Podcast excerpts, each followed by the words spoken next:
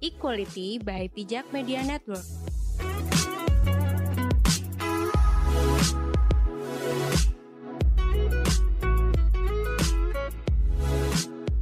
Halo, selamat pagi, siang, dan malam. Kembali lagi bersama Dinda Safira di Equality Ya Podcast.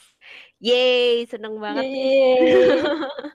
seneng banget nih akhirnya setelah sekian lama nggak bersuara, kita bisa cuap-cuap lagi tentunya dengan tema yang lebih menarik. Nah, di episode khusus uh, Quarter Life of Crisis karena sekarang episode ke-25. Waduh. Aku kemakan banget uh, ngebahas tentang dunia fandom atau yang lebih spesifik tentang K-popers. Sebenarnya kenapa aku ngebahas tentang K-popers karena akhir-akhir ini tuh aku sering banget terpapar konten yang Korea-Koreaan gitu, mulai dari drama. Tapi ya nggak semuanya ya aku nonton, cuman yang lagi hype aja. Terus musik, musik itu kan juga karena playlist di Spotify itu kan ada yang acak tuh. Benar. Nah, terus mulai juga nontonin YouTube-YouTube uh, YouTubers yang uh, cerita tentang pengalaman hidupnya di Korea atau mungkin pekerjaan di Korea, kuliah di Korea kayak gitu-gitu. Nah, mungkin uh, sekarang ini kita lebih lazim ya tentang uh, budaya Korea. Tapi kalau dulu tuh aku inget banget ketika awal budaya Korea itu happening di Indonesia itu kalau nggak salah drama Boys Before Flowers. Hmm. Ya dulu aku suka sih. Cuman kadang-kadang uh, ngerasa kayak apaan sih alay banget gitu loh. ya mungkin teman-teman yang dengerin juga uh, merasa seperti itu ya. Nah, aku kira uh, stigma-stigma negatif kayak gitu tuh nggak cuman berhenti ketika happening aja bahkan sampai sekarang ini. Nah makanya uh, di episode kali ini aku mengajak seorang teman ya nanti biar kenal sendiri lah ya. Dia ini dia ini bisa dibilang seorang K-popers. Aku nggak tahu ya biasanya siapa nanti biar dia yang cerita aja. Dan dia tuh kebetulan uh, punya pengalaman seru tentang bagaimana dia menghadapi stigma atau pandangan negatif tentang hobi yang lagi digelutinya. Boleh dong Mbak kenalan dulu. Tepuk tangan. Halo, kenalin. Uh, ini pakai nama samaran aja ya, nggak apa-apa kan, Flu? Nggak apa-apa dong. Uh, kenalin, uh, aku Mbak Lemon, panggil aja Lemon. Pokoknya itu adalah anonim kesukaanku. Aku pakai okay. Lemon. Uh, aku udah ada di dunia K-pop. Ya, aku tahu-tahu K-pop tuh sejak aku kelas 2 SMP atau sekitar tahun 2009. Mm -hmm mm dan masih menggeluti atau masih suka lah sama K-pop sampai sekarang gitu. K-pop K-popers uzur lah istilahnya. ya, berarti udah berarti sama kayak aku dong mulai suka itu ya. Iya. berarti kalau udah dihitung udah berapa tahun tuh kayaknya SMP itu tahun ya? berapa ya? SMP itu aku ingat banget, aku masuk SMP 2008, kelas 2 kan 2009-an. Berapa ya? Ya ada 10 tahun lebih ya, 11 ya. Iya, kayaknya 11 ya, iya. kan? Mm. Nah, kayaknya 11 tahun. Terus wow. kenapa sih uh, sampai sekarang uh, kamu masih suka sama Korea-Koreaan gitu, terlepas dari kamu mengidolakan seseorang ya? Iya, iya, iya. Jadi tuh apa namanya sebenarnya tuh aku tahu waktu pertama kali aku tahu K-pop itu bukan dari drama malah. Mungkin kalau hmm, banyak kayak hmm, kamu itu kan dari apa BBF tadi kan. Nah, betul. Aku tuh tahu pertama kali waktu Super Junior ngeluarin Sorry Sorry. Oh, yang nah, hits banget itu ya sampai ya, itu kan, tahun itu nah, ya. benar, itu kan hits banget tuh. Nah, aku tuh bar, uh, aku tahu mereka tahun 2009 itu karena lagu itu. Terus dan aku mulai ngepoin lagu-lagu mereka yang lain. Nah, ternyata tuh emang mm -hmm. kayak genrenya, musiknya, terus lagi karena wajahnya. ya, iya sih. Eh, kan ganteng tuh relatif, tapi tuh kalau gantengnya yang versiku ya, ganteng versi Korea itu kayak masuk di aku. Jadi kayak emang cocok aja. Nah karena cocok itu, makanya emang aku jadi suka banget. Terus berlanjut aku kenal grup yang lain, lainnya, lainnya. Nah akhirnya sampai sekarang lah aku menjadi K-popers kayak gitu. Oh gitu. Tapi ini juga relate ya um, Mbak Lemon. Aduh aneh banget aneh banget sumpah. Tapi ya udahlah daripada keamanan bersama. Oke. Okay. Uh, aku tuh sengaja pernah uh, lihat di postingan Quora ya. Hmm. Jadi ada orang tuh nanya uh, kenapa sih uh, yang suka Korea itu kebanyakan perempuan. Hmm. Nah dia itu ngebahas tentang uh, maskulinitas gitu. Jadi kalau cowok-cowok Korea itu kan diidentikan dia berpenampilan feminin. Hmm. Makanya perempuan tuh lebih attract karena uh, dari pembawaannya tuh kayak lebih lemah lembut, lebih kayak nggak dominan gitu loh dibanding hmm. sama cowok-cowok yang misalnya American style atau apa nah. itu kan yang lebih maco gitu kan cowok apa cewek-cewek kan kadang ngerasa kayak in, bukan inferior ya kayak merasa ah aku kayaknya bukan tipenya deh kayak gitu. Jadi kayak nggak ada harapan untuk menyamai standarnya dia gitu uh, ya nggak sih? Ya itu itu bisa benar bisa. Tapi mm -hmm. makin ke sini ya kalau main ke sini emang dulu itu kayak aku juga ngerasain sih style boy band waktu aku ngikutin 2009 2010 tuh mereka mm -hmm. tuh yang emang dandan rambutnya panjang kayak gitu kayak Sasuke mm -hmm. tapi lebih panjang gitu uh -uh, terus uh -uh. yang emang pakaiannya tuh juga pakaian yang ribet ya ya, ya emang kayak dikostumkan semuanya tuh di set gitu loh dikonsepkan mm -hmm. itu nah yang beda sama mungkin orang-orang barat gitu loh yang cuek kayak gitu nah terlepas okay, dari itu makin ke sini itu tuh kayak mungkin mereka juga ingin apa mem memperluas target pasar mereka kan. Nah, mm-hmm. Jadi tuh untuk style kayak gitu tuh kayak udah sangat lama pelan-pelan ditinggalkan gitu kayak dilepas gitu. Oke okay, oke. Okay. Jadi tuh untuk makin sini makin ke sini aku makin lihat kayak oh iya ya beda juga ya ternyata sekarang tuh makin ya mereka yang terlihat makin maco atau konsepnya tuh dibikin konsep anak motor lah konsep hmm, tukang bengkel lah kayak gitu kayak hmm. ingin menunjukkan isinya kayak menunjukkan sisi yang berbeda aja kayak gitu Mm-mm. Tapi kayaknya kalau aku perhatian ya misalnya kayak hmm. boy band yang comeback misalnya kayak Shiny hmm, gitu, hmm, ya meskipun hmm. mereka didandani sedemikian rupa, tapi kayak image-nya tuh masih lemah lembut gitu loh. Hmm. Beda dengan uh, band boy band boy band atau mungkin band-band yang American banget itu kan ya benar. Tuh, terus dandanannya ya kayak gitulah. Tapi kalau Korea nih mau misalkan kayak uh, ya Shiny lah itu karena aku terakhir lihat ya. dia tuh maksud ya setelan gitu ya tapi tetap imut kawaii gitu loh. Iya sih emang mungkin juga karena representasi mereka dari awal yang udah seperti itu kayak gitu. Oh, okay. Dan emang mereka membawa konsep seperti itu tuh setiap comeback mungkin emang style mereka harus yang shiny. Jadi orang kalau ngelihat sekilas oh ini shiny kayak gitu dengan konsep hmm. yang seperti itu. Makanya hmm. mungkin beberapa ada yang kebawa. Cuman mungkin ya anak-anak baru yang mungkin baru debut 2020 kemarin atau 2019 hmm. mereka tuh kayak mencoba untuk sedikit melepas stigma itu dengan ngeluarin apa konsep yang lebih maskulin tadi, yang lebih hmm. maco lah istilahnya. Oke okay, oke. Okay. Berarti karena tujuannya untuk memperluas pasar ya? Iya, aku nangkepnya gitu. Dan tren anak zaman sekarang juga kan mm udah beda. oke. okay. Nah, uh, sebenarnya kamu ngerasa nggak sih uh, setelah kamu menyukai K-pop gini atau mungkin menyukai boy band atau punya bias gitu ya, kamu ada perubahan paling signifikan nggak sih dengan hobimu saat ini? Perubahan. Wah sangat signifikan apa tuh? Uh, perubahannya menurutku aku membagi perubahan jadi dua baik dan buruk. Oke okay, oke. Okay. kalau yang baik itu lebih ke apa namanya karena aku suka mereka aku jadi ngerasa mm -hmm. aku punya hobi gitu loh. Oke. Okay. nah hobi ini tuh yang bikin ya kalau misalkan kemarin 2020 pandemi kan banyak orang nggak bisa ke mana-mana kayak gitu. Terus banyak istilahnya yang kayak stres di rumah apa-apa kayak gitu kan Mm-hmm. Aku ini enggak, karena aku punya hobi K-popan sekedar nonton varieties mereka atau ngulang-ngulang MV mereka atau ngepoin mereka itu udah kayak sesuatu hal yang membahagiakan buat aku. Jadi selama di rumah aja tuh aku bahagia kayak gitu loh. Mm-hmm. Nah itu itu perubahan baik yang pertama, yang kayak istilahnya aku jadi nggak anak keluar-keluar gitu, aku biasa aja kayak gitulah.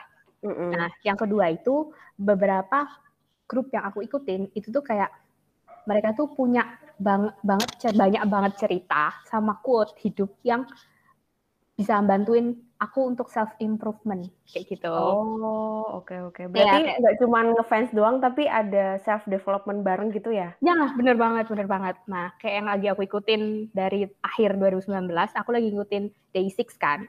Nah, mm -hmm. mereka tuh bukan grup yang ngedance, tapi mereka sebenarnya band yang bener-bener band main gitar, main drum kayak gitu. Mm -hmm. Tapi dari Korea. Nah, itu mereka tuh kayak bener-bener sering banget setiap konser. Mereka tuh kayak endingnya tuh ngasih kata-kata yang untuk apa namanya untuk fansnya gitu loh tentang like, apa life improvement tadi self improvement gitu. Nah salah satunya nih yang paling aku suka ya kata-katanya tuh ada salah satu personelnya dia bilang life your live sorry sorry live your life to the fullest. Uh -huh. Wow. Jadi kayak bagus. Uh, jadi kayak kamu lakuin hidupmu ya sampai maksimal kayak gitu loh ya karena kamu hidup cuma sekali. Dan satu lagi ada membernya juga leadernya yang paling aku suka ini leadernya. Dia bilang hidup tuh udah susah, jadi pelan-pelan aja kayak gitu loh. Itu kayak Oh, okay, okay, aku kayak, paham. Uh, jadi itu kayak eh, emang ngajarin kita untuk nggak terburu-buru ya kayak hidup bukan kompetisi kayak gitu. Terus mungkin ini sebagian besar grup juga punya cerita yang sama kayak mereka tuh kan sebelum debut harus di training sekian tahun kayak gitu kan. Nah, dari situ tuh aku kayak ngambil gambaran, oh iya mereka butuh 9 sampai 10 tahun buat sukses. Ya udah, hmm. berarti aku nunggu aja. Mungkin kesuksesanku emang bukan 2 sampai 3 tahun, mungkin lima tahun, enam tahun lagi jadi ya slow aja kayak gitu. Hmm. Nah, itu sih yang ini pelajaran-pelajaran hidup yang kayak yang bisa aku ambil dari mereka tuh kayak kayak gitu dan banyak banget dan aku ngerasa bahagia aja dari mereka itu. Nah, okay, terus okay. sayangnya di balik kebaikan itu ada juga sisi yang buruk. Buat aku. Nah, buruknya adalah aku menjadi sangat-sangat konsumtif. Oke, itu kayaknya uh, di fans mana pun nggak cuman Korea ya. Kayaknya ya, fans bener. apa pun deh itu pasti juga efeknya ke konsumerisme sih. Ya benar dan mana aku kemarin sempat baca salah satu kayaknya salah satu artikel yang kamu kasih itu dari apa dari sumber yang kamu tulis itu. Mm -hmm. juga ada dia bilang apa konsum impulsif buying. Oh, iya, aku iya, merasa uh. aku agak merasa tertawa ya emang bener sih kayak ketika kamu ngefans mereka ngeluarin produk yang ada icon si idolnya ini tuh kayak ngerasa ih pengen beli juga, pengen beli juga kayak mm -hmm. gitu. Nah, dan itu yang aku lakuin selama 2020 tuh kayak gitu. Jadi kayak uang tuh terbelanjakan untuk album, foto-foto, boneka icon mereka tuh kayak yang itu cuma bisa dipajang doang gitu, nggak bisa kamu pakai, nggak bisa. Jadi kadang tuh udah beli, udah sampai rumah, terus udah ya cuma gini aja. Iya kenapa aku beli ya? Jadi menyesalnya selalu di akhir gitu ya apalagi ketika barangnya udah datang gitu kan. Nah benar kayak itu benar barang yang tidak bisa berguna bagi tubuhmu bagi kesehatan. Kayak itu cuma bikin senang sih mungkin apa kayak istilahnya self reward atau stress relief secara pribadi mungkin itu lebih kayak itu Oke. Tapi ini ya uh, penjelasan kamu tadi tentang perubahan positif yang kamu alami selama menjadi K-popers atau menjalani hobi inilah. Itu mm. menurutku sudah uh, meruntuhkan stigma ya bahwa mm. anak-anak K-popers ini alay misalnya atau mereka Benar. tuh nggak punya mereka tuh cuman ya udahlah buang-buang duit doang padahal sebenarnya di balik itu juga ada self improvement sendiri kan. Iya benar. Ya itu aja dari cerita versi aku. Ya, coba deh mungkin 10 orang K-popers lainnya punya cerita yang berbeda. Itu kan mm -mm. lebih bukti yang lebih nyata lah. Iya, iya. Tapi ini sih, uh, aku pengen maksudnya selain hobi-hobi yang positif tadi ya, mm uh, sebagai fan girl, aku nggak ngerti, aku cuma ngarang aja nih ngomongnya karena aku nggak ngerti yeah, yeah, yeah. istilah gitu. Kamu pernah nggak sih mengalami perlakuan yang nggak menyenangkan? Uh, ini perlakuan nggak enaknya dari sesama fans atau dari orang asing atau orang-orang di lingkungan kita lah orang ter lingkungan circle lah mungkin mungkin yang pertama orang-orang di sekitarmu ya hmm. terutama misalnya di keluargamu kok kamu hmm. sukanya beli kayak gini atau apa gitu eh, mungkin uh, dari situ dulu kalau dari keluarga ya untungnya untungnya kayak ibu orang tua sih lebih tepatnya orang tua tuh tahu gitu kenapa alasan aku kenapa suka K-pop gitu. Itu kan lebih karena adalah sedikit masa lalu yang nggak terlalu bagus, akhirnya aku mm -hmm. Larinya ke K-pop dan orang tua aku ngerasa bersyukur, untung aku larinya ke K-pop bukan ke yang lain-lain kayak gitu. Mm. Nah, jadi mereka sangat-sangat menghargai kesukaanku ini, kakakku, mm. ibuku, ayahku, ya alhamdulillahnya kayak gitu. Jadi untuk keluarga aku nggak dapat masalah. Kalau dari teman sendiri, sebenarnya bukan teman deket sih, jadi tuh kayaknya tuh kalau dari awal-awal aku suka K-pop tuh dulu kan namanya juga K-pop tuh dilihatnya tuh kayak nggak nggak apa sih nggak maco gitu lah dandan nari iya, kayak uh, gitu ya, feminin gitu kan nah benar feminin nah, itu tuh orang-orang tuh ngerasa aneh kalau misalkan kita lagi pas SMP nih aku pernah waktu itu suruh ngedeskripsiin orang yang kamu sukai atau favorit lah istilahnya artis hmm. idol nah aku hmm. mendeskripsikan Super Junior yang istilahnya yang aku suka waktu itu. Nah itu tuh langsung kayak apa namanya ditanya-tanyain sama mereka kok cowok dandan? Ngeliat fotonya kayak gitu kok cowok nari-nari? Gitu. Ini kalau Korea pada opas ya kayak gitu-gitu. Jadi sering banget dulu tuh orang-orang kayak memandang sebelah mata gitu loh. Jadi untuk menunjukkan diriku adalah seorang K-popper tuh rasanya malu karena ya itu tadi kayak dilihat aneh oleh orang-orang sekitar kayak gitu. Nah ada lagi momen di mana aku apa namanya punya jaket lambang K-pop, lambang artis kesukaanku lah. Aku pakai itu sekolah. Eh, sama anak-anak kelas tuh kayak dibilangin, Hei, ah, dia pakai jaket K-pop, woi, woi, sini pinjam pinjam mau foto-foto. Tapi itu nadanya tuh kayak oh. sarkas gitu, kayak menunjukkan bahwa, eh ini lihat deh ada anak alay kayak gitu loh, tahu sendiri lah. Nah itu tuh kayak pengalaman yang menurutku gak enak banget dan sampai detik itu tuh kayak masih, ih masa kayak masih kerasa aja gitu, masih keinget-inget terus kayak gitu. Padahal hmm. ya padahal ya padahal terserah aku kan sebenarnya kayak gitu Iya benar-benar.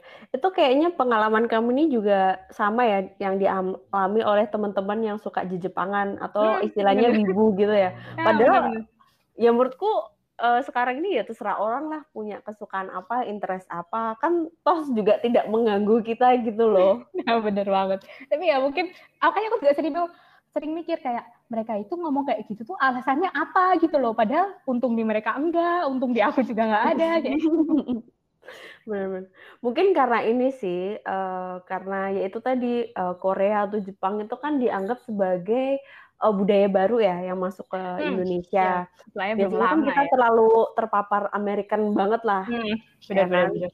American kan kayak yang superhero ya tau lah yang film-film Marvel itu kan digambarkannya bener-bener kayak maco gitu Benar. Dan bahkan lebih ke maskulin gitu kan ya. Mm -mm.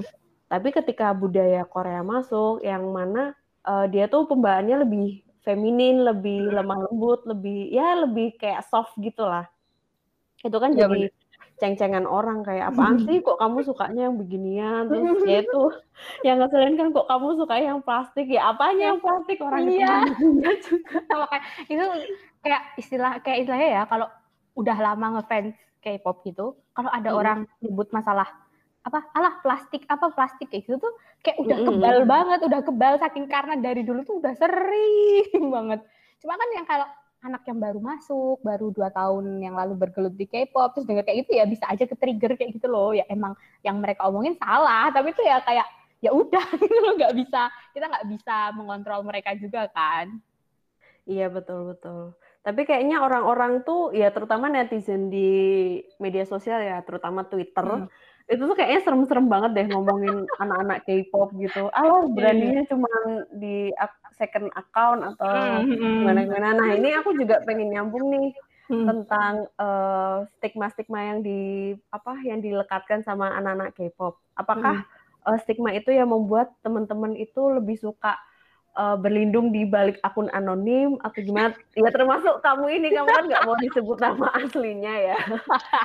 Apa Maksudnya kamu takut kena stigma lagi kah atau gimana tuh alasannya?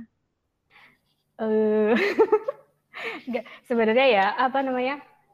Selain mungkin karena kabur, bukan kabur sih ya kayak aku ya, kalau aku pribadi, aku bikin mm -hmm. akun lain dengan dengan nama inisial Lemon dan lain-lain itulah. Mm -hmm. itu lebih karena aku kayak pengen membuat itu akun tuh emang khusus buat circle-circle yang bisa nerima aku, nerima kesukaanku, yang aku suka K-pop, yang aku bisa update macam-macam kayak gitu. Sedangkan nah mungkin sebagian orang juga ngelakuin hal yang sama. Mereka bikin akun pakai Ava sama pakai username idol mereka. Ya mm-hmm. untuk mencari teman-teman yang di grup teman-teman yang juga suka dengan idol yang sama kayak gitu. Nah, itulah mm-hmm. gunanya sih second account second account ini. Nah, cuma apa namanya aku ngerasa ada sedikit perbedaan antara second account sama si akun alter kayak gitu. Iya betul. Nah, kalau alter ini kan kayak cenderung lebih ke sisi dia yang lain gitu loh. Sisi dirinya oh, yang lain. Ha. Dia atau berarti kayak uh, apa ya istilahnya kayak masa berbuka dua sih? Atau mungkin uh, apa ya? Maksudnya punya topeng gitu kan ah, ya, kalau jenis itu benar-benar benar jenis topeng terus dia keluarkan di akun alter. Sedangkan second account itu lebih ke buat senang-senang gitu loh. Karena second account ini bisa kamu jadi sebenarnya second account ini kayak lebih general gitu. Bisa kamu oh, jadiin akun alter bisa kamu jadiin fan account yaitu yang isinya tuh update-update berita terbaru tentang grup idolanya atau mm -hmm. kamu bisa jadiin akun jualan juga bisa itu tuh bisa disebut dengan second account. Nah, sedangkan mm, okay. akun alter kan lebih spesifik. Nah, masalahnya sekarang ini sering banget orang pakai akun alter tuh Ava K-pop, nama K-pop kayak gitu. Nah, itu tuh nah, yang sering jadi, jadi perdebatan. Nah, itu jadi kayak sering ke cross aja gitu loh. Dia baru ingin menjadi alter istilahnya dia pengen bikin akun alter, pengen menunjukkan dirinya yang lain, marah-marah, ngomel atau ngehujat orang lain gitu, mm-hmm. tapi pakai apa nama yang si idol atau si K-popnya itu. Nah itu yang kayak oh, jadi bingung. Okay, Ini sebenarnya akun apa sih? Ini fan account atau akun alter kayak gitu. Aku juga masih sering bingung sih kadang. Hmm, oke okay, oke. Okay. Berarti sekarang tuh hampir udah nggak ada bedanya ya kayak mm -mm. akun misalnya ya adalah akun alter tapi dia pakai Ava K-pop hmm. gitu. Ya, kayak gitu. juga yang berbau K-pop. Nah, terus, nah itu mungkin yang ini ya apa namanya hmm. yang sering jadi hujatan netizen tuh nah. apakah orang-orang yang seperti itu kah atau mungkin orang-orang yang menurut kamu ya itu buat senenganku sendiri kayak gitu. Nah ada kemungkinan sih gara-gara beberapa oknum. Karena beberapa orang kan yang mungkin yang pakai mm -hmm. pakai pop itu mereka ngehujat apa atau mereka berpendapat apa. Terus kena lah serangan. Jadi yang kebawa tuh si nama K-popnya ini. Atau malah emang sebenarnya dia fan account tapi emang dia suka asal ngomong aja kayak gitu juga bisa kayak gitu. Oh, jadi okay, sekarang okay, jadi okay. kecampur aduk gitu aja aku ngerasanya.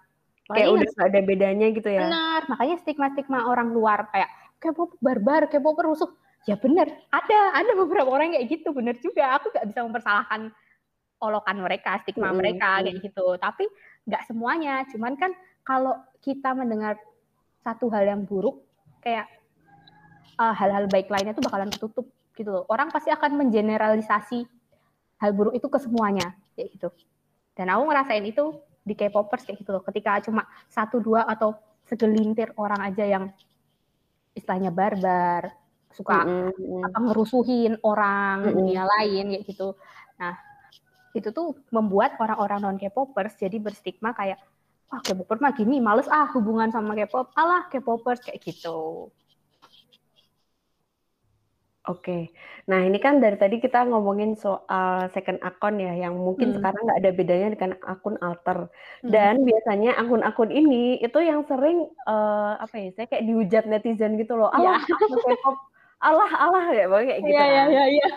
Nah, jadi kan ini mengindikasikan bahwa mungkin beberapa K-popers itu fanatik gitu karena mm. ya nggak sekali dua kali apalagi aku juga follow second akunmu kan mm. aku tahu apa yang sedang terjadi ya, aku ya, tahu benar. apa yang sedang terjadi apa yang sedang diperdebatkan kayak gitu nah menurut kamu uh, kenapa sih uh, beberapa K-popers itu fanatik dan bahkan uh, dia tuh fanatiknya tuh maksudnya membela habis-habisan gitu loh sampai titik darah penghabisan gitu lah istilahnya. Hmm. Cuman uh, fanatisme ini juga hanya diekspresikan kepada orang lain bahkan ke sesama K-popers yang mungkin idolanya tuh berbeda. Ya. Nah, menurut kamu ini gimana nih? Mungkin kamu bisa cerita ya pengalaman yang hobinya menyerang atau menyerang gitu. ya, menurutku ya semua tuh kejadian cuma karena sikap berlebihan mereka kayak gitu. Ya hmm. Fanatik itu kan ya berlebihan itu sendiri kan. Nah iya, masalah, ya, nah mungkin aku nggak tahu ya di kehidupan mereka mungkin aja kalau menurutku trigger mereka menjadi fanatik ini sendiri itu karena kayak misalkan mereka lagi jatuh nih lagi down atau lagi sakit gitu. Okay. Terus mereka bertemulah sama si grup ini, si grup idol ini. Terus ternyata grup idolnya tuh bantuin ya lewat karya-karyanya, lewat kata-kata motivasinya kayak tadi, bantuin mereka, bantuin mereka terus mereka jadi bangkit, jadi sehat lagi kayak gitu. Nah terus mereka muncullah pemikiran menurutku ya, muncullah pemikiran kayak e, mereka ini idol ini udah baik banget sama aku, udah nolongin hidupku, aku harus apa namanya kebelain mereka, aku harus istilahnya jagain nama baik mereka kayak gitu. Itulah caraku balas budi atau membantu mereka melalui ini gitu. Oh, nah, okay, okay. pemikiran mungkin salah satu pemikiran itu yang bikin mereka kayak bisa buat belain mati-matian si idolnya itu. Kayak ya ya aku beberapa ya karena aku membuat second account K-pop ya aku beberapa kali pernah diserang juga.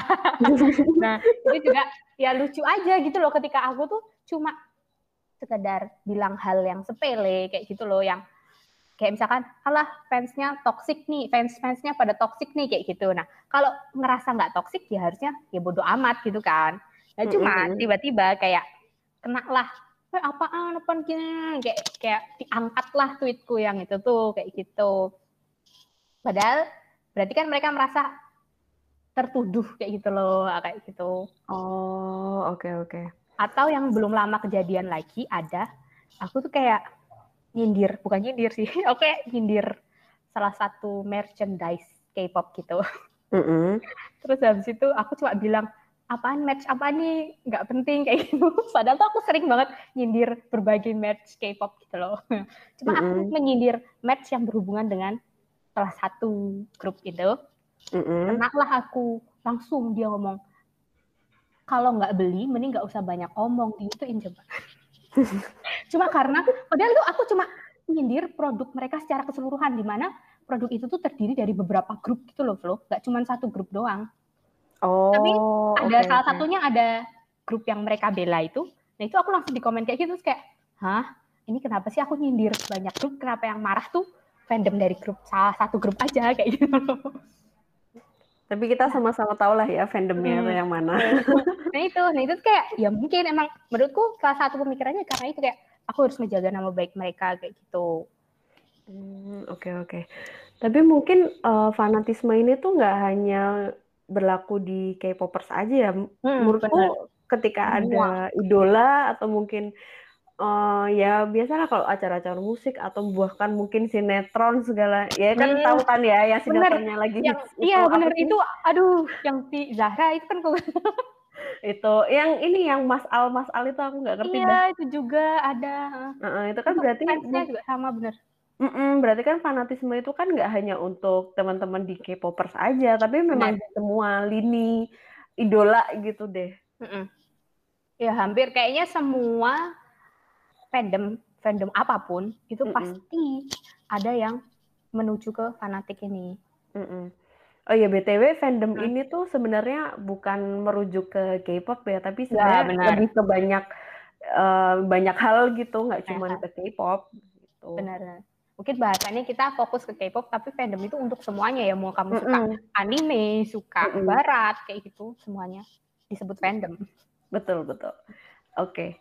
um, kamu nggak mau cerita nih pengalaman menyerang dan diserang gitu apakah berdampak kepada uh, mentalmu kah atau kondisi psikologismu kah atau ya kamu kayak kayak hmm. merasa kayak kok K-pop gini banget sih padahal hmm. ya saya ingat aku ketika dulu aku awal-awal suka BBF doang ya tapi hmm. bukan yang lainnya ya ya itu kayak biasa aja nggak sefanatik sekarang gitu loh iya benar kayak pas pertama kali aku diserang itu mm -hmm. aku aku diserang dari fans grup yang aku sukain malah. Kayak itu diserang fandom sendiri.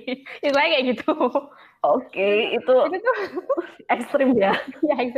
Itu kayak ya oke okay, mungkin aku salah berpendapat kayak gitu ya. Aku salah berpendapat cuman aku nggak enaknya salah berpendapat di Twitter itu bukannya digedor DM-nya diingetin. Jadi istilahnya kayak ice to ice kayak gitu bukannya kayak gitu tapi mereka malah kayak nge-QRT gitu loh Oh, nah, iya, di iya, mana iya, iya. posisi ketika kamu nge-QRT kan otomatis mutualnya dia pada baca. Mm -mm. Nah, jadi itu kayak ketika dia meng-QRT satu tweet doang ya satu tweet yang jelek doang yang kesebar padahal bawah-bawahnya itu ada tweet penjelasan lainnya kayak gitu Oh, iya iya iya, paham paham. Nah, dari situ dari situlah aku kena serangan, terus sumpah ya jujur aku ngerasain kayak sakit hati sih pasti.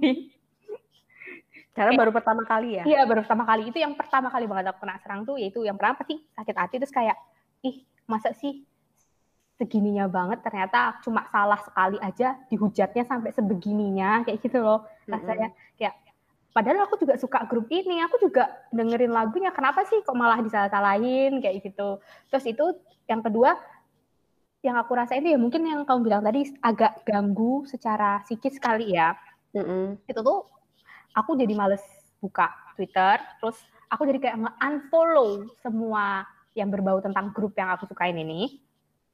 Bahkan kalau aku denger lagunya itu tuh rasanya kayak keinget lagi tuh loh kata-kata orang-orang yang ngehujat tuh kayak gitu. Itu gak sehatnya di situ sih menurutku. Oke, okay, oke. Okay. Dan alhamdulillah sih, tapi untungnya kayak banyak orang yang bantuin juga kan kayak di real life dan hidupku juga nggak cuman kepopan doang kan jadi kayak aku masih main keluar ngobrol sama orang banyak nah itu kayak nyembuhin banyak hal aja nyembuhin semuanya bikin lupa kayak gitu Oke, berarti ini uh, penjelasanmu tadi adalah menepis stigma ya bahwa orang-orang K-pop tuh ya cuman ngurusin ngurusin idolanya doang, dia hmm. cuman ya udah nonton drakor mulu atau dengerin musik mulu, nggak iya. bersosialisasi yeah. keluar. Padahal sebenarnya ya nggak apa-apa kita suka K-pop tapi kan hmm. di real life kita ya biasa aja gitu ya kan. benar benar ya kamu gitu tahu ya. sendiri lah kan kita berdua satu circle kamu tahu betapa seringnya aku bahas K-pop ke grup kan ya kamu juga tahu sendiri tapi kayaknya maksudnya uh, sepanjang aku mengenal kamu dan berteman dekat denganmu ya itu maksudnya ya kamu suka K-pop tuh hanya diekspresikan melalui uh, akun akunmu itu hmm. di real life pun ya kamu biasa aja kayak orang-orang pada iya. umumnya ya ya memang itu mm -mm.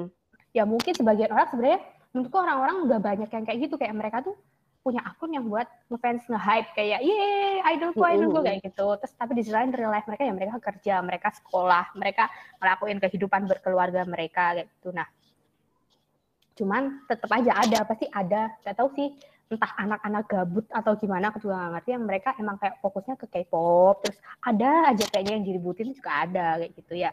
Kita juga jadi nggak bisa nyalahin stigmanya tapi nggak semuanya kayak gitu mm -mm. Jadi, jadi ya menurutku sih uh, ya nggak semua hal yang jelek itu digeneralisasi gitu loh, nggak hmm, semua orang tuh seperti itu gitu. Benar. Oke, okay. Uh, tadi kan kita udah ngebahas tentang fanatisme gitu ya. Nah ini yeah. mungkin masih nyerempet-nyerempet dikit ke fanatisme. Hmm. Dan ini aku juga merasa kayak aku pun dulu juga pernah merasakan ketika aku lagi suka banget sama Harry Potter. Oh.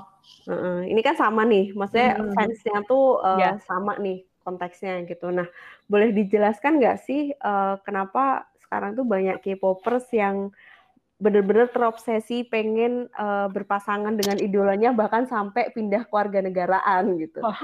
Nah kalau menurut kamu apakah ini tuh termasuk bagian dari fanatisme atau ya lumrah aja kalau kita mengidolakan seseorang terus kita jadi mengetahui latar belakangnya kayak gitu?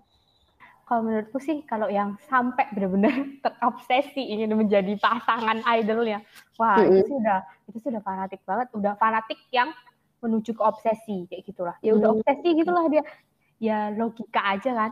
Idol tuh punya kehidupan sendiri. Kita juga punya kehidupan sendiri yang pasti berbeda. Si idol nunjukin di depan TV sama si idol di belakang TV atau di off stage itu tuh pasti beda kan? Mm-hmm. nah takutnya nih orang-orang yang terobsesi kayak gini tuh mereka tuh cuma sekedar ngeliat dari luar. Maaf motor.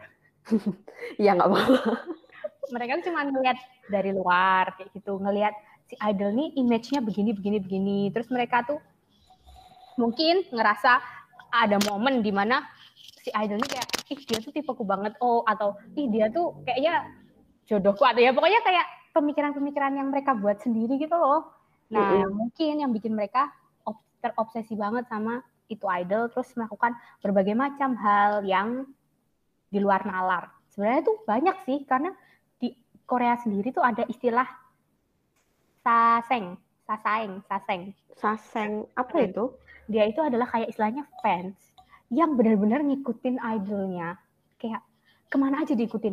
Bahkan idolnya terbang pakai pesawat apa, duduk di kursi nomor berapa, mereka tuh bisa tahu dan mereka bisa dapet kursi yang sama. Kursi wow. yang sebelahan kayak gitu. Itu kayak udah... Kok serem ya? Nah itu tuh Saseng ini kayak udah level tertingginya fans-fans yang fanatik sih menurutku.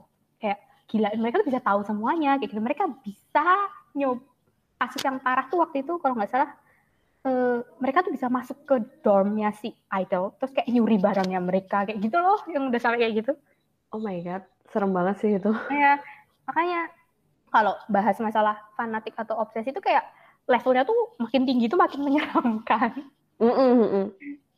kayak gitu sih Oke, ini kalau kamu cerita yang ngikutin itu aku mah jadi keinget paparazi sih. Tapi kayaknya Iya. paparazi pun level menyebalkannya cuman sampai luar rumah Ah, gitu loh. ah, ganggu gitu Sampai kan meng ya. heeh, Heeh, nggak bener. sampai mengganggu kehidupan pribadi gitu kan. Wah, ini ya begitulah. Kayak lebih serem aja levelnya kalau menurutku. Mhm. Tapi maksudnya di beberapa K-popers tuh maksudnya orang yang kamu kenal gitu Mhm. ada yang kayak gitu kah? Atau ya kamu tahu aja dari circle K-popmu itu? Oh, kalau untuk dari mm, orang-orang yang aku kenal atau K-popers, teman-teman K-popers lah istilahnya. Mhm Aku tuh nggak sampai nemu yang sampai sefanatik itu sih, yang fanatik banget nggak. Karena rata-rata emang mereka punya kehidupan sendiri, jadi emang kebagi dua aja Mmm. hidupnya. Nah, kalau untuk yang contoh se-ekstrim itu sih, ya aku cuma seringnya tuh baca, baca dari orang luar kayak ngelapor, kayak orang bikin tweet, eh orang ini gini gini gini gini kayak gitu. Coba deh kamu, ada ini orang terkenal banget dia fanatiknya. Dia sampai dia tuh orang Eropa, dia sampai operasi mukanya biar mirip sama idol Korea. Wow, itu kayaknya itu juga sama deh kayak, eee, Di berita orang oplas biar dia mirip kayak Barbie. Mhm, nah itu sama gitu. Itu mirip banget kayak gitu. Jadi itu kayak gila fanatik banget. Kayak udah ya ampun sampai segitunya. Berarti kan maksudnya kalau fanatisme ini sekali lagi ya teman-teman yang dengerin itu nggak cuman di teman-teman K-pop aja. Hmm. Kan seringnya kalau di media sosial tuh orang-orang nih terlalu suka menyudutkan K-pop gitu loh mentang-mentang Iya second iya. akunnya pakai Ava K-pop, terus ngapain K-pop. Padahal kan sebenarnya bukan itu. Fanatisme tuh kan ada di banyak, eee, hal gitu loh. Misalnya kalau Mhm. fanatisme sama agama ya udah sama aja Oh, sebenarnya bener. kalian tuh. Iya iya. Terus, eee, selain fanatisme tadi kan kebanyakan, eee, ngomongin yang negatif ya. Mhm. Nah ini tuh aku juga menemukan fakta menarik dan memang sudah terlihat ya dari pandemi itu kan, Mhm. eee, teman-teman komunitas K-pop itu kan juga terlibat aktif ya dalam kampanye sosial atau politik. Yang paling rame waktu itu kalau nggak salah, eee, fans K-pop tuh pokoknya dia meruntuhkan Donald Trump atau apa, dia ngolok-ngolok atau apa gitu. Itu menurutku, eee, meskipun lewat sosial media itu adalah gerakan yang besar banget sih. Iya. Melalui hashtag itu juga Ya benar gila sih orang-orang K-pop Ngilangin akun, banget. ngilangin akun juga bisa pinter. Oh, itu yang mana ya? Ada kalau nggak salah tuh itu bukan sih yang kasusnya yang Raymar apa sih? Ada gitu kalau nggak salah. Oh, siapa ya? Aku agak-agak nggak gini ya. Itu tuh aku pernah baca terus sampai kayak fans K-pop mana nih kita mau ngilangin akun kayak gitu. ya ampun, Oh, tuh begitunya. Gila gila. Memang, eee, jangan main-main lah ya sama fans K-pop nih karena populasinya tuh banyak banget. Bahkan Iya di sosial media aja dia bisa menghilangkan akun. Bikin orang tutup akun Ah, bahkan. bisa benar bikin orang tutup akun tuh sering kayaknya. Tapi ini sih, eee, salah satu hal yang bikin aku salut ya sama teman-teman, Hmm. eee, K-popers ini tuh mereka juga aktif ikut Hmm. penggalangan dana kemanusiaan. Misalnya kayak banjir di Kalimantan itu juga Ya, teman-teman juga ikutan kan. Mhm.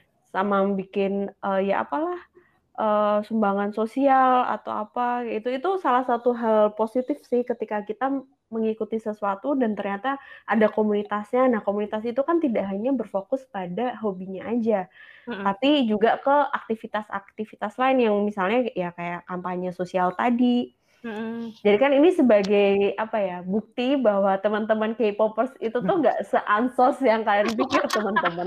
Iya iya benar. Mereka tuh bahkan jiwa sosialnya tuh juga tinggi loh. Tinggi benar-benar. Tapi kalau kamu sendiri ikut nggak sih? Eee, maksudnya grup-grup yang penggalangan dana misalnya atau Mhm. kampanye apa gitu ikut nggak? Aku sih belum ikut, eee, aku nggak bukan belum ikut sih, kayak aku kalau cuma sekedar ikut nyumbangnya atau ikut apa namanya, ikut donasi kayak gitu, itu Mmm, udah mhm. lumayan beberapa kali. Tapi kalau untuk masuk tergabung dalam grup yang mengakomodir donasi-donasi situ sih belum, karena itu rata-rata yang ngelakuin tuh kayak fandom dan petinggi-petingginya. Jadi kan misalkan fandom nih, fandom A, dia tuh punya apa kayak komunitas di kota A, kota B, kota C kayak gitu. Nah, aku tuh nggak Mhm. sampai join fandom grup fandom tiap kot, di kotanya itu kayak di Jogja sendiri adalah fandom A kayak gitu. Nah, aku tuh nggak sampai join ke situ. Aku cuma kayak istilahnya jadi casual fans aja gitu yang kalau ada ya aku bantuin, kalau enggak ya udah kayak gitu. Hmm, oke berarti, eee, kesimpulannya tuh, eee, perkumpulan K-popers ini bisa jadi organisasi yang Hmm, gede dong? nah bener, tapi bener-bener kayak mereka tuh terbentuknya tuh ya kayak terbentuk sendiri aja, tahu-tahu ada tahu-tahu ada di kota ini ada di kota ini, makanya keren banget sih. Mhm, ya nggak heran sih mereka ikut maksudnya mereka bisa menutup akun sosial media orang tuh ya karena segede itu. Iya bener, bener banget. Oke. Jadi gitu ya teman-teman yang mendengarkan, mungkin kan, Hmm. eee, beberapa dari kalian juga masih underestimate nih K-popers nih ngapain aja sih, lah ini loh mereka aja bikin organisasi gede banget. Iya, dan yang seru tuh, apa namanya, kalau misalkan satu fandom, satu aja fandom, fandom A tadi ngela Mhm. eee, ngelakuin apa namanya, kayak sumbangan, donasi, ya itu tadi sumbangan bantuan donasi buat bencana alam atau Mhm. adopsi yang sekarang yang lagi ngetren ya, yang lagi ngetren banget, adopsi hewan. Mhm. Adopsi hewan langka. Nah, itu bakalan ditiru sama fandom lain. Jadi ketika ngelihat itu kayak, "Ih gila mereka ngelakuin ini nih, donasi sama adopsi, yuk kita juga ngelakuin." Akhirnya ngelakuin, fandom yang lain ngelakuin ngelakuin. Jadi tuh kayak banyak fandom atau semua fandom akhirnya ngelakuin hal yang sama kayak gitu. Itu jadi tren gitu loh. Jadi itu keren banget menurutku karena jadinya kita bermanfaat buat orang lain, nggak cuma buat idol kita sendiri atau pakai nama kan dia kan pakai apa namanya nyumbangnya atau donasinya itu kan pakai nama fandom atau nama si idolnya atau grupnya. Mhm. Nah itu jadi apa namanya kayak bikin baik nama idol ya, bikin baik nama grupnya, bikin baik nama fandomnya, tapi juga bermanfaat buat yang kita bantu kayak gitu. Oke, berarti ini sebagai bukti lagi ya teman-teman, Hmm. kecintaan kalian terhadap sesuatu itu nggak selamanya buruk kok. Bener. Bahkan kalau kalian tahu aja komunitasnya itu juga pasti ada kegiatan-kegiatan lain yang positif yang membawa manfaat kayak gitu. Benar. Oke, dari obrolan kita tadi kan kita udah mulai ngebahas, eee, mulai dari kapan suka, kenapa suka, terus, eee, isu-isu apa yang berkembang di kalangan teman-teman K-pop. Nah, sampai detik ini nih, kamu pernah kepikiran nggak sih, eee, untuk berhenti dengan dunia K-popers? Kalau misalnya iya, kenapa? Kalau enggak juga kenapa? Kalau kepikiran untuk berhenti ya kayaknya sih belum belum belum. Untuk sampai Belum, detik oke. ini ya, sampai detik ini Mhm. belum. Cuma selama aku suka K-pop tuh adalah beberapa kali kayak aku fokus kuliah atau fokus apa, jadi aku nggak mikirin K-pop kayak gitu, cuma sekedar tahu aja. Tapi habis itu ya Mhm. kalau gabut dikit suka K-pop lagi kayak gitu. Jadi untuk saat ini kalau untuk berhenti aku belum kepikiran karena aku masih ngerasa K-pop tuh salah satu cara aku menghibur diri sendiri, mencari kebahagiaan yang istilahnya ya pribadi kayak gitu loh, nggak aku nggak butuh bantuan orang lain, aku bisa ngelakuin sendiri suka-suka aku kayak gitu. Oke, berarti sampai sekarang masih merasa kalau K-pop itu bermanfaat ya buat self healing-mu sendiri? Iya, benar untuk self healing, benar sekali. Oke, itu juga sama sih kayak dulu aku ngefans banget sama Harry Potter, Hmm. ya s ngefans bangetnya tuh ya ketika SD, itu kan hype-nya kan waktu SD ya. Iya Ketika iya. SMP, SMA, sampai sekarang ya biasa aja gitu. Tapi, eee, tapi ada satu hal yang maksudnya karena aku masih ngefans gitu ya, Hmm. maksudnya ngefans-nya tuh, eee, tingkat apa ya, tingkat fans-nya tuh menurun gitu loh. Dulu kan Oh iya, 100 bener bener. gitu kan, Bener bener sekarang bener. sekarang 20 atau Iya 30. kayak gitu. Tapi aku juga kayak karena aku suka ya ketika misalnya di usia dewasa ini, eee, aku mulai ngumpulin lagi tuh buku-buku Harry Potter yang dulu nggak Mmm. bisa aku beli karena uang Mhm. jajanku terbatas. Terus masih suka maraton nonton Harry Potter 1 sampai 7 gitu kan, menurutku itu juga bagian dari fans, bagian dari kesukaan kita terhadap sesuatu untuk Iya. menghibur diri sendiri kan. Bener. Gitu, oke oke. Kayaknya, eee, aku harus sering ngobrol sih sama teman-teman K-popers. Heeh.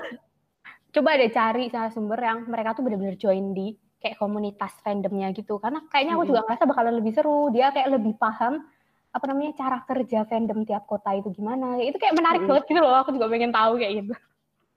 Oke. Yang ini sih, intinya sih dalam obrolan ini ya, eee, aku tuh pengen kayak, eee, menyuarakan gitu loh bahwa Mhm. stigma orang-orang tentang teman-teman K-pop itu tuh nggak sepenuhnya benar. Ya ada sih yang ngeselin, ya di mana-mana orang ngeselin tuh selalu ada. Di semua tempat ada. Mhm, tapi kan itu bukan jadi alasan untuk menggeneralisasi semuanya ya. hmm. ah fans K-pop tuh alay, barbar kayak gitu kan nggak semuanya kayak gitu. Benar. Nah, terakhir nih uh, sebelum obrolan kita melebar ke mana-mana. Oke. Okay. Sebagai K-popers, kamu punya pesan apa nih buat teman-teman K-popers di luar sana atau bahkan teman-teman yang di luar masih ya maksudnya dia belum mengaku diri sebagai K-popers? Ada nggak? Uh, uh, buat mungkin buat K-popers ya uh, melihat situasi dan kondisi saat ini, yuk kita jadi fans yang cerdas lah istilahnya, saling menghargai satu sama lain, pendapat orang satu sama lain, rajin berdiskusi kalau bisa kayak gitu. Jadi tuh nggak melulu dunia itu berputar di idol kesukaanmu kayak gitu loh. Ada idol lain kayak gitu-gitu. Nah, terus kalau untuk yang non K-popers, untukmu kesukaanmu untukku kesukaanku gitu. Waduh, Jadi mari kita ayat agama. Jadi mari kita saling beriringan uh, menyukai atau melakukan hobi yang kita sukai tanpa menyenggol satu sama lain kayak gitu Wih. biar nggak banyak ribut aja sih. Mantep banget nih pesannya teman-teman. Tapi aku setuju sih. Ya bener kan kayak gitu intinya tuh sebenarnya kalau nggak ada yang nyenggol ya kita semua damai-damai aja gitu. Bener-bener aku setuju. Oke, okay. uh, mungkin kita ngobrolnya tentang itu dulu kali ya. Uh, aku takut banget nih keceplosan nyebut namamu. Aku jadi tadi lagi pas lagi ngobrol, aduh jangan sampai keceplosan, jangan sampai keceplosan. Teman-teman, uh, maksudnya karena kita memahami ya ada beberapa perkara hmm. yang mungkin nanti akan jadi sensitif buat banyak orang. Uh, akhirnya aku membuat konsen dengan temanku ini bahwa nanti dia namanya tidak akan kupublis Mm-mm. Nanti di semua postingan yang berhubungan dengan podcast ini juga nggak akan kubis namanya dia. Thank you. Tapi ya tadi sempat ngobrol uh, keceplosan Shiny itu bukan berarti dia fandomnya Shiny gitu bukan ya. ya. Itu kepikiran aja di kepalaku. Oke, terima kasih hey, ya BTW. Sama-sama. Jangan bosan-bosan ya kalau di apa K-pop lagi. Oh enggak nggak nggak akan bosen karena ini masih menjadi salah satu topik yang aku sukai jadi aku bakalan terus-terusan menjawab kalau ada yang bertanya oke oke mungkin gitu dulu ya teman-teman uh, sekian dulu obrolan kita pada sesi ini uh, teman-teman juga bisa dengerin uh, podcast ini melalui Spotify, Google Podcast atau mungkin uh, Apple Podcast gitu-gitu. Nah, teman-teman juga bisa ngikutin uh, podcast-podcast equality yang lain melalui Instagram Pijak Podcast. Itu ada nanti semua postingannya. Kalian juga bisa dengerin. Uh, kalau mau kenalan langsung di Instagramku juga ada, tapi meskipun aku nggak suka di follow ya. Jujur banget ini. Tapi teman-teman kalau misalnya mau ngikutin obrolan lain tentang equality, ya ini kan mes meskipun namanya equality ya, tapi aku juga pengen tahu nih sudut pandang orang lain biar kita tuh nggak ada yang bersikap tidak adil. Maksudnya kita bersikap ya setara-setara aja lah, jangan suka menghab apa menzolimi orang lain. gitu. Oke, sekali lagi terima kasih ya untuk Mbak Lemon yang sudah mau mengisi dan mengobrol bersama aku. Yo, makasih juga udah diundang, udah diajak ngobrol dan berdiskusi sama Pijak Podcast. Yeay, Sukses jangan... terus buat uh, podcastnya, lancar, dan makin banyak yang dengerin. Yeay, amin. Yeay. Kalau gitu, sekian dulu teman-teman. Terima kasih. Sampai jumpa di sesi selanjutnya. Bye-bye.